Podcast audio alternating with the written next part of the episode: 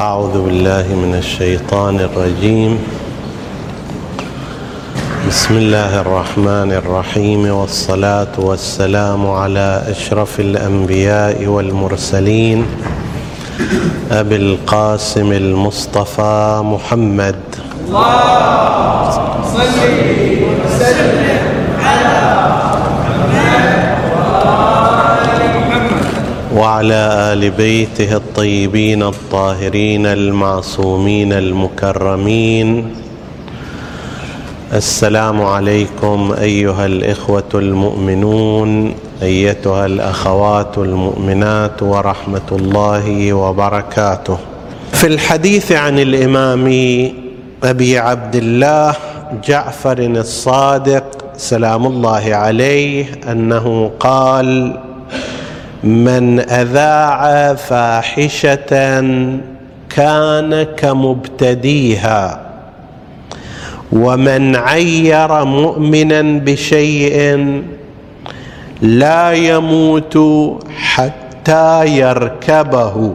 يعني يركب ذلك الشيء الذي عيره به.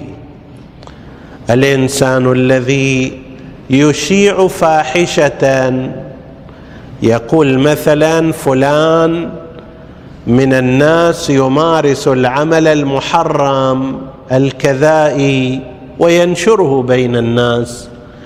هذا الذي يشيع كأنه هو فاعل ذلك الفعل. وعقوبته أيضا عندما يعير مؤمنا بفعل من الأفعال. إنسان مؤمن ولكن قد يخطئ ويأتي بعمل منكر بعمل محرم. أنا أقوم بتعييره كل مكان. سمعت عن فلان وش سوى؟ جاب طامة العظيمة. وش قال؟ وش سوى؟ وابدأ نشرة الأخبار عنه. في الرواية من عقوباتها أنه لا يموت هذا المعير المشيع للفاحشة لا يموت حتى يركب ذلك الذنب. أنا عيرته بماذا؟ بترك الصلاة؟ يصير مني أن أترك الصلاة في وقت من الأوقات. عيرته والعياذ بالله بالزنا. لا يخرج هذا الإنسان من الحياة إلا ويركب هذا الذنب. كيف؟ رح يجي الحديث إن شاء الله. هذا الحديث الأول عن الإمام الصادق عليه السلام. وعن ابنه الإمام موسى بن جعفر الكاظم عليهما السلام. قال له الراوي جعلت فداك. الرجل من إخواني يبلغني عنه الشيء الذي أكرهه. يجيني خبر عنه مو زين. أكرهه له باعتباره مؤمن ما يناسب منا هذا الشيء. اللي وصلني عنه. وصلني عنه أنه يسرق. وصلني عنه أنه يغازل الفتيات. وصلني عنه أنه يشاهد أفلام إباحية يسمع الغناء. أعمال من هالنوع وأشباهها. فأسأله أروح أسأله صحيح هذا الكلام؟ وهذا منهج بالتالي مو كل واحد يجي لك عن فلان قال قالوا عن فلان هالشكل تعتبرها آية منزلة وخلاص تصدق ترتب الأمر تقاطعه تسبه تحكي عليه لا تحقق. فأسأله أروح أسأل الصحيح هذا الشيء اللي بلغني عنك؟ فينكر ذلك يقول لا مو صحيح هذا الكلام. وهو كلام مكذوب علي فينكر ذلك. وقد أخبرني عنه قوم ثقات. مو واحد خبروني جماعة عنه. قالوا إحنا ندري متجمعين ما شاء الله متحزمين إلى عدل. زين؟ مو قوم مو واحد قوم.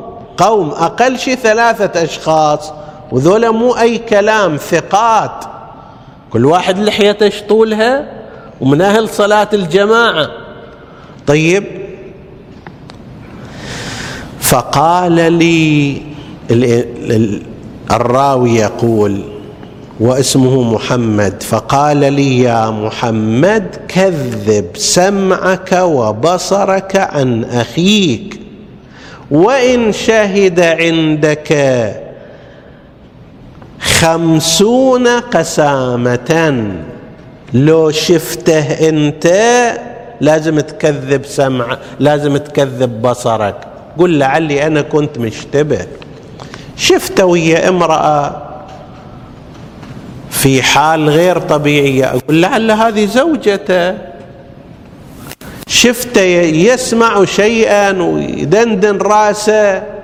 طيب أقول لعله هذا قاعد يسمع عزا أو نشيد محلل كذب سمعك عن هؤلاء الثقات وبصرك عن الرؤية المباشرة.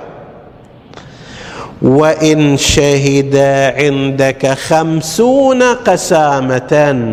هذا بحث في موضوع ثبوت القتل في موارد الشبهة يجيبون خمسون قسامة. خمسين واحد يقسم بالله أن لا يقول إلا الحق.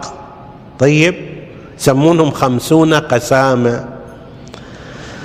فإن وإن شهد عندك خمسون قسامة وقال لك قولا آخر فصدقه وكذبهم. يقول لك لا أنا ما سويت الشكل تقول له عمي يعني معقولة أنا أكذب؟ شيخ فلان قال لي عنك وحج فلان سيد فلان وهالرجال وذاك الرجال قوم. يقول كذبهم.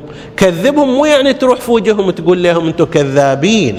لا يعني لا تصدقه لا تصدقهم في حقه. ولا فصدقه وكذبهم.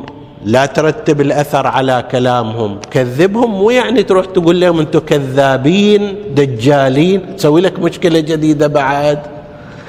الشرع يريد شنو؟ يستر الأمور يريد يحافظ على الوحدة الاجتماعية. فأنت إذا رحت وقلت لهم أنتم كذابين ودجالين وتعالوا أسوي كذا فيكم وأعمل ما تحقق مقصود الشرع من هذا. ولا تذيعن عليه شيئا تشينه به وتهدم مروءته. تروح تطلع حكاية ولو قالوا لك عنها. عندي جلسة أنا الليلة الفلانية وأروح الديوانية رقم واحد ورقم اثنين. ما في حكي. فويش الحكي يصير؟ هذا. طيب خليه على الصحن و نثرج فيه كما يقولون.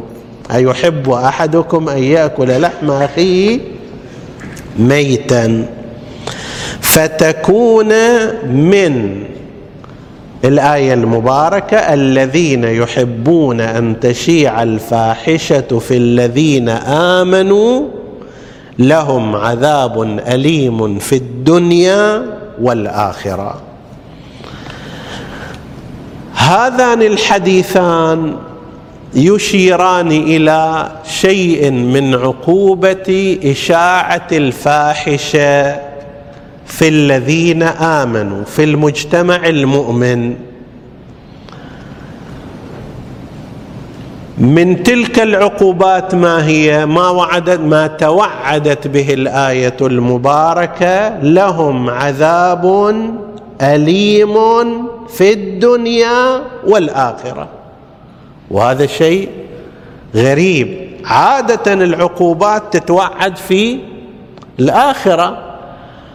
هذه الآية تقول لا لهم عذاب أليم في الدنيا مو أي عذاب أيضا.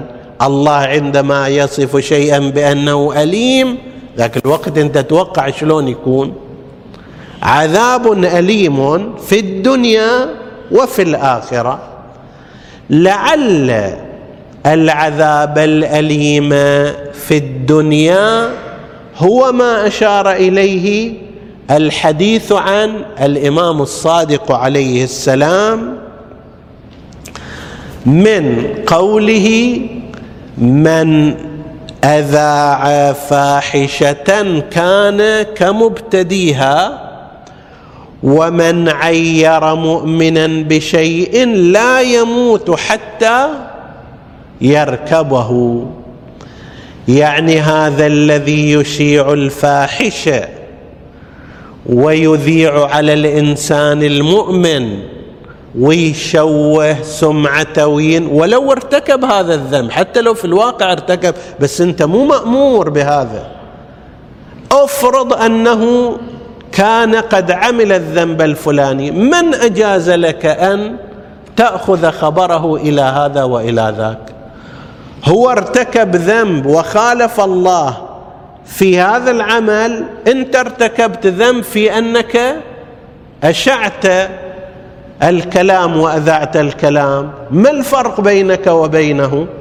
اخر قسم من الناس يتصورون ليش أساسا يذيع ويشيع حتى يزكي نفسه.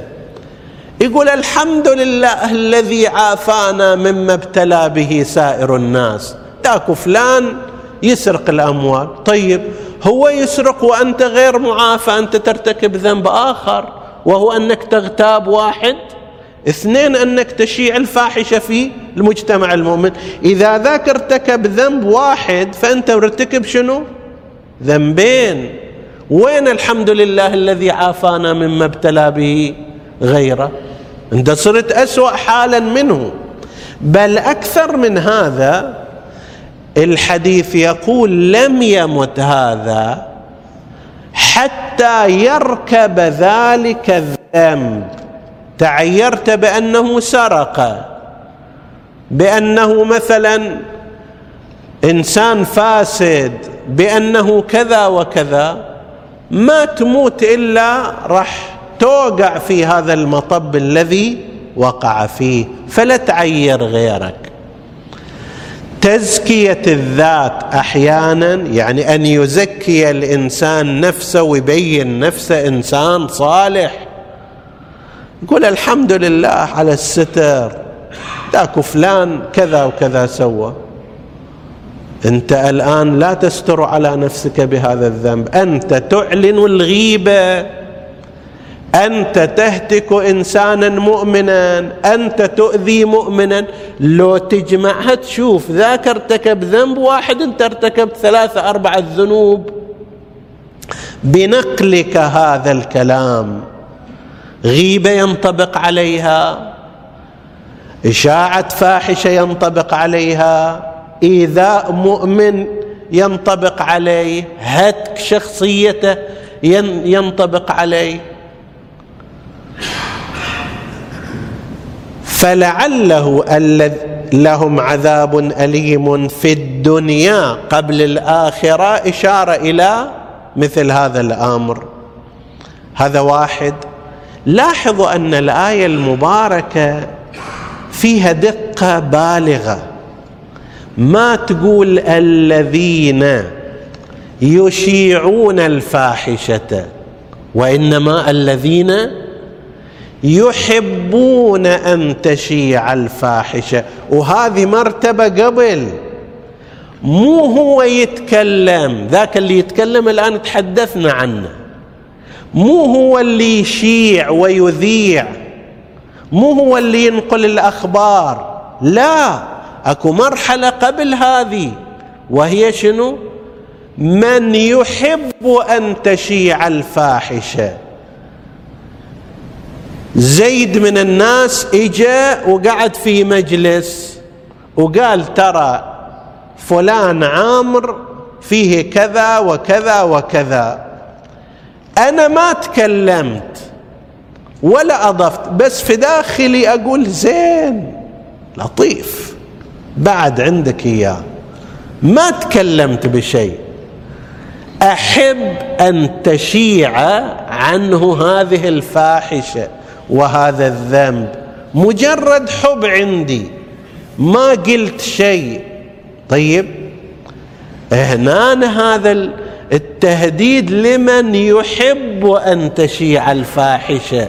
مو لمن يشيع الفاحشة. فانظر إلى حال من يشيع نفسه. إذا هذا اللي ما سوى شيء وإنما مجرد أحب أن تشيع الفاحشة في المؤمنين. إذا هالشكل فكيف ذاك الذي يمارس هذا الفعل يشيع يذيع يتكلم؟ طبعا جزاء وعقابه أكثر من هذا. ليش الموقف تجاه إشاعة الفاحشة بهذا المقدار؟ عدة أسباب نشير إلى بعضها. الأمر الأول أن اذاعه واشاعه الفاحشه والسوء عن إنسان مؤمن هذا ما إله زمان محدد. هي الحكاية استغرقت خمس دقائق لكن إيش قد تبقى؟ عشرات السنين. عشرات السنين يعرف أن هذا إنسان منحرف إنسان سيء إنسان عامل بالمنكرات. طيب. فهذا النوع اللي إله بقاء واستمرار وأحيانا مو بس أنا أحيانا حتى ابني لما يجي ينعرف أنه ذاك فلان إنسان منحرف وتتوارث. طيب. زين هذا أنت قضيت عليه قضاء مبرم. ولعل هذا الذي أذعت عنه وأشعت عنه شيئا فاحشا وعملا محرما. بعد بخمس دقائق تاب وتاب الله عليه. يصير هذا لو لا؟ زيد من الناس سرق. بعدين راحت السكرة وجاءت الفكرة. إجا ورجع إلى صاحب المال وأعطاه أمواله واعتذر. إلى وانتهى الموضوع وغفر الله له بذلك. انت خب ما يجيك الخبر دائما هذا فأنت رايح في مشوارك على شنو؟ إذاعة الفاحشة عنه انه فلان سارق. ذاك تاب عن الذنب وأنت لا تزال في حديثك عنه وأثر حديثك مستمر ومستدام مع أنه تاب. قد يكون قد عمل عملا من الأعمال الصالحة الله سبحانه وتعالى تاب عليه فيما يرتبط بينه وبين الله عز وجل. عندنا أتبع السيئة الحسنة تمحها. واحد سوى عمل ذنب بينه وبين ربه مو من حقوق الناس. ثم قال استغفر الله. كرر الاستغفار. جاء بحسنة من الحسنات كالصلاة على محمد وآل محمد.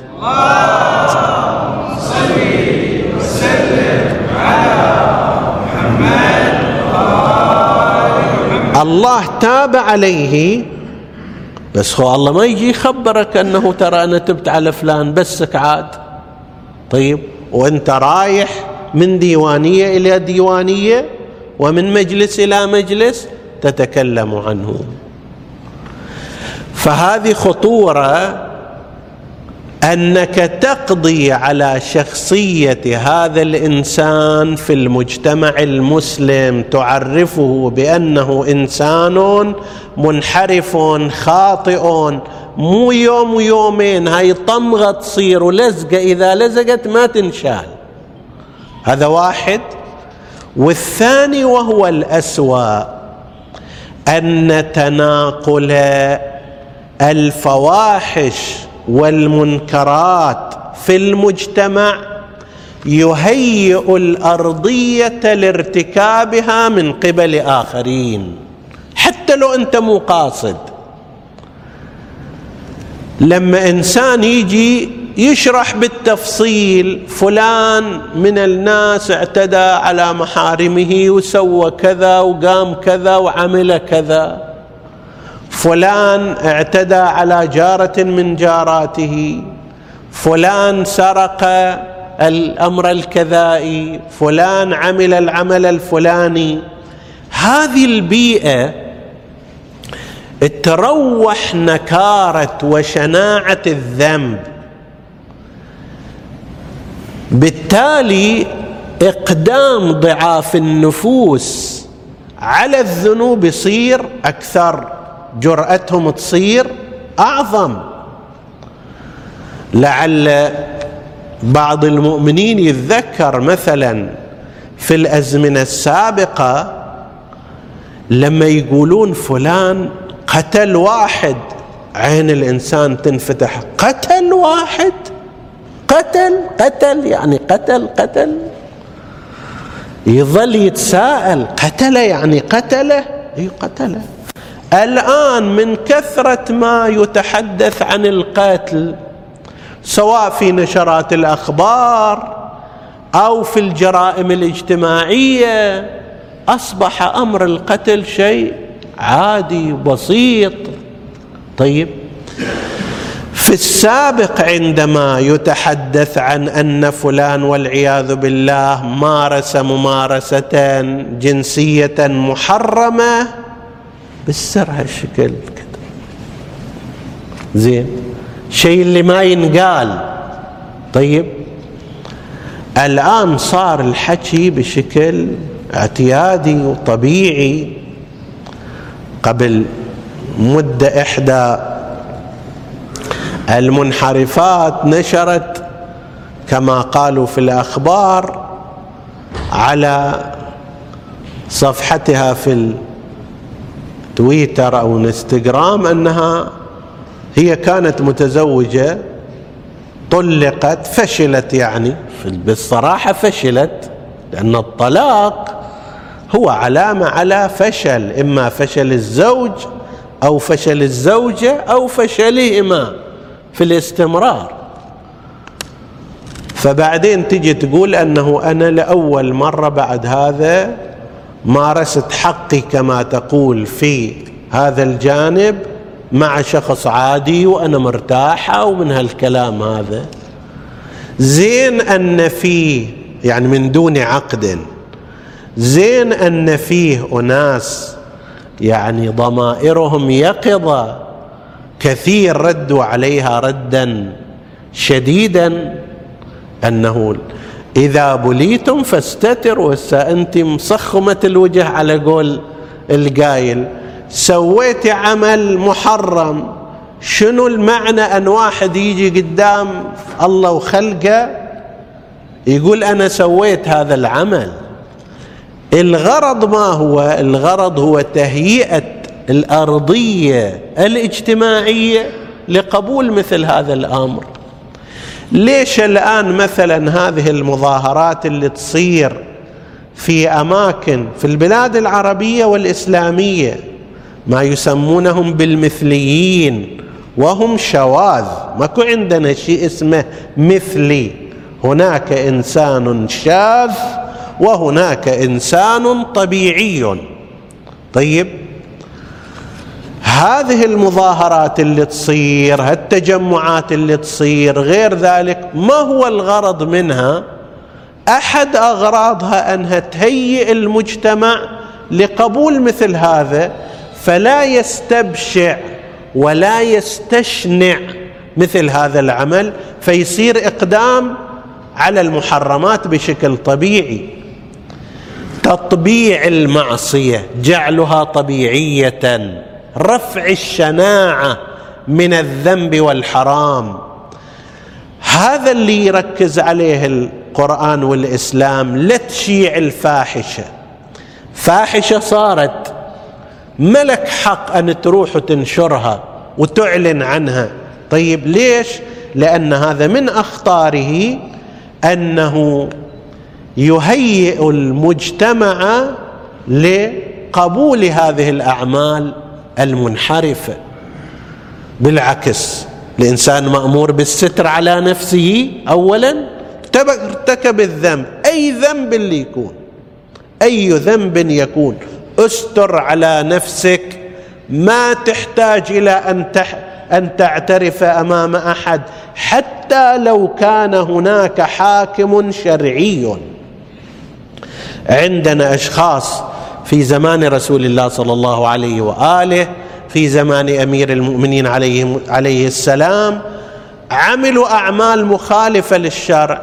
يجي للإمام يقول له أنا ضميري متيقظ ما قادر أتعايش مع هذا الذنب اللي سويته أقم علي الحد حتى أطهر نفسي. فيقول له روح. لعلك ما ارتكبت الذنب كامل لعلك سويت هالشكل لعلك سويت هالشكل. روح. حتى لعل هذا بعد يقول خلاص ما دام أنا قلت لو قال لي روح انت المطلوب هذا. إلى أن في المرة الثالثة كما قالوا راح ورجع وقال لا أنا عملت العمل الكذائي بالتفصيل. ورد الإمام ثلاث مرات طيب آنئذ لم يكن هناك بد من إقامة الحد عليه وأردف الإمام قائلا لو ستر على نفسه واستغفر ربه كان أفضل عند الله. هذا غير يرد يريد رضا الله.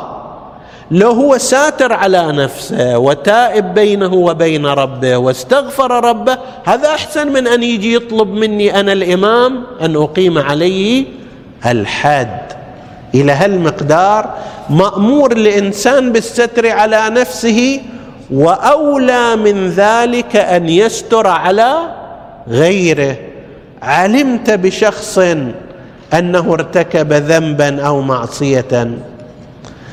إن كان مجال لنصيحته أن تذهب وتنصحه حتى يتراجع نعم ما تصنع. إذا لا خلاص استر عليه. وادعو الله له بالمغفرة والهداية. فإذا إشاعة الفاحشة في المجتمع إلها هالشكل خطوره اولا على ذاك الطرف الذي تشاع عنه الفاحشة يعني أنت تقضي على شخصيته قضاء مبرما حتى لو تاب وأصبح أفضل منك عند الله. هذا واحد. اثنين اكو لها خطورة على المجتمع نفسه في أن هذا المجتمع سوف يتعود على هذه الأمور. يراها شيء طبيعي. ذاك كل الناس يسوون غير.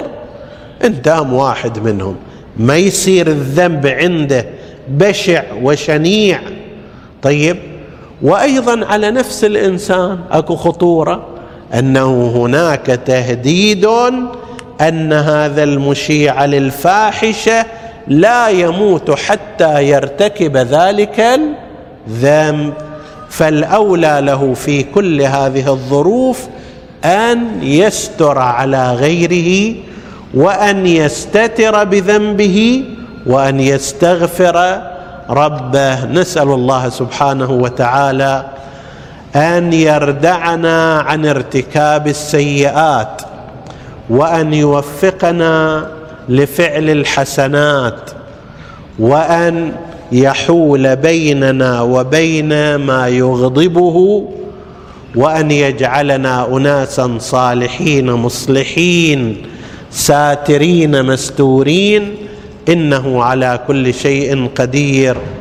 وصلى الله على سيدنا محمد وآله الطاهرين.